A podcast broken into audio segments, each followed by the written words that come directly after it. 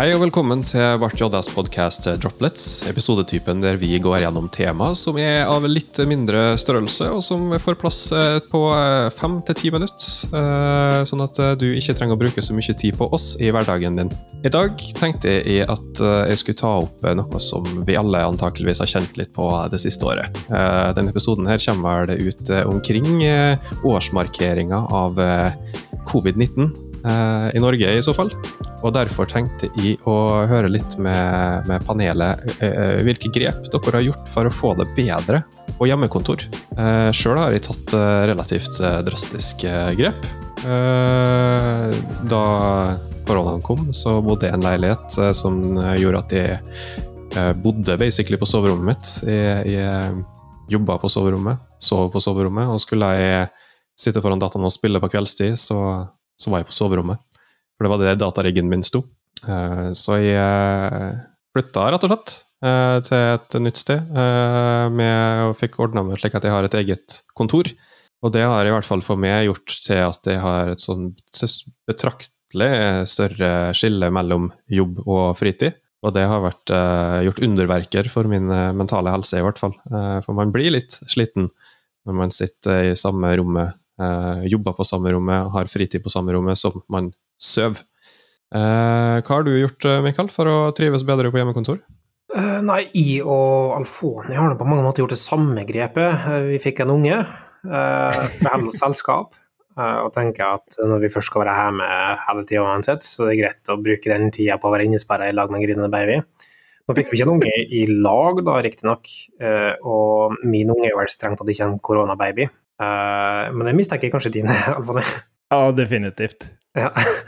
Uh, men, uh, så det er ikke et positivt grep sånn sett, men det var et grep, eller ikke et grep, men en, en situasjon åkke sånn. I begynnelsen, når det først stengte, for et, nesten et år siden, så tok jeg grep. Jeg tok kjøkkenbordet inn på soverommet og satt opp en pult med ekstern skjerm og prøvde å få det til å være bedre. For nå har hun en lite leilighet, og så har eldstegutten fått eget soverom, så han tok det kontoret. Eh, og så måtte jeg da rigge opp noe midlertidig der. Men etter hvert så det kom inn en krybbe inn på det uh, soverommet òg, så ble det ikke plass der. Så da har jeg i praksis bare sittet på en pinnestol på stuebordet og jobba der. Og det er ikke bestandig vært supergunstig med møter når det er unger som er i under, altså et par måneder gammel med grining. Det har ikke bestandig vært eh, ideelt, tror jeg. Jeg har da noise cancelling headset, men mikrofonen tar den opp uansett. Men um, det jeg prøver å gjøre, er rett og slett bare Jeg sykler til kontor der det er ingen folk, og så har jeg sittet der når det har vært mulig. Og så har jeg sittet på pinnestol når det ikke er mulig. Men um, sånn som nå, f.eks. med kunden, så er den teamet mitt prioritert inn på, grunn av, på uh, forskjellige årsaker. Så jeg at Eh, det går an til å sitte her, og så går det an til å sitte på andre kontor. da. Så jeg egentlig bare komme meg ut i. Det funka best for meg òg, egentlig. Så er den Tryggestad, hva har du gjort? Um, jeg satt her og tenkte litt, og så kom jeg jo på at jeg, jeg flytta jo egentlig i år, da.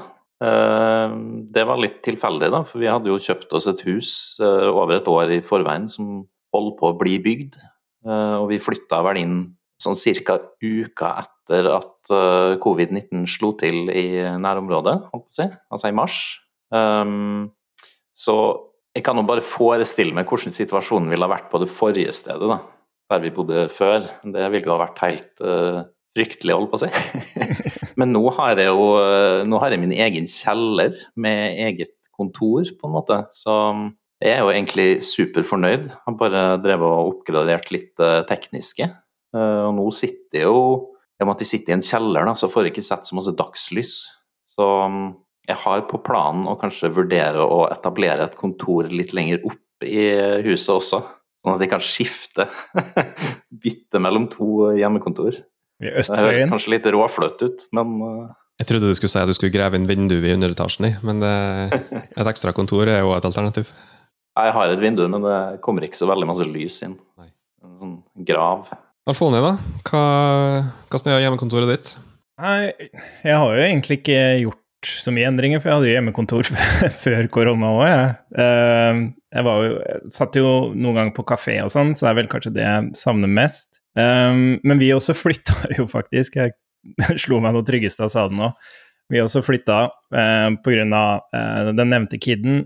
Eh, så eh, Men for meg så er det egentlig ikke Jeg har ikke måttet gjøre noen spesielle tiltak. Det er vel heller mer å trekke pusten og, og holde ut med Jeg var på en måte forberedt på det å ha kid hjemme og dama i permisjon, og hvordan kommer det her til å funke og sånn.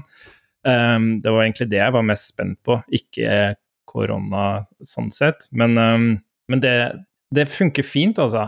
Um, ja, jeg, det er liksom Jeg har ikke måttet gjøre noe spesielt. Jeg, har på en måte, jeg er vant til det, og, og det er egentlig ikke noe stress, altså. Og så har jeg jo dere, da, som jeg får se på skjermen eh, annenhver uke, sånn cirka, vel? Eller i hvert fall en gang i måneden. Hvor ofte er det vi egentlig treffes?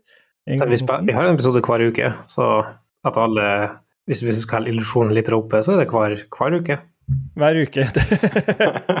hver uke, og det, det er veldig fint. Det går bra. Veldig interessant å høre hvordan dere har eh, løst det, eh, og eventuelt bare vokst inn i det, eller bygd ned, sånn som det Mikael har gjort. Eh, jeg håper dere som hører på, har det fint på hjemmekontor. Jeg håper dere har tatt grep som gjør at dere trives litt bedre enn det dere kanskje gjorde i starten. Med det så vil jeg egentlig bare takke for at dere hørte på. Så høres vi i neste episode.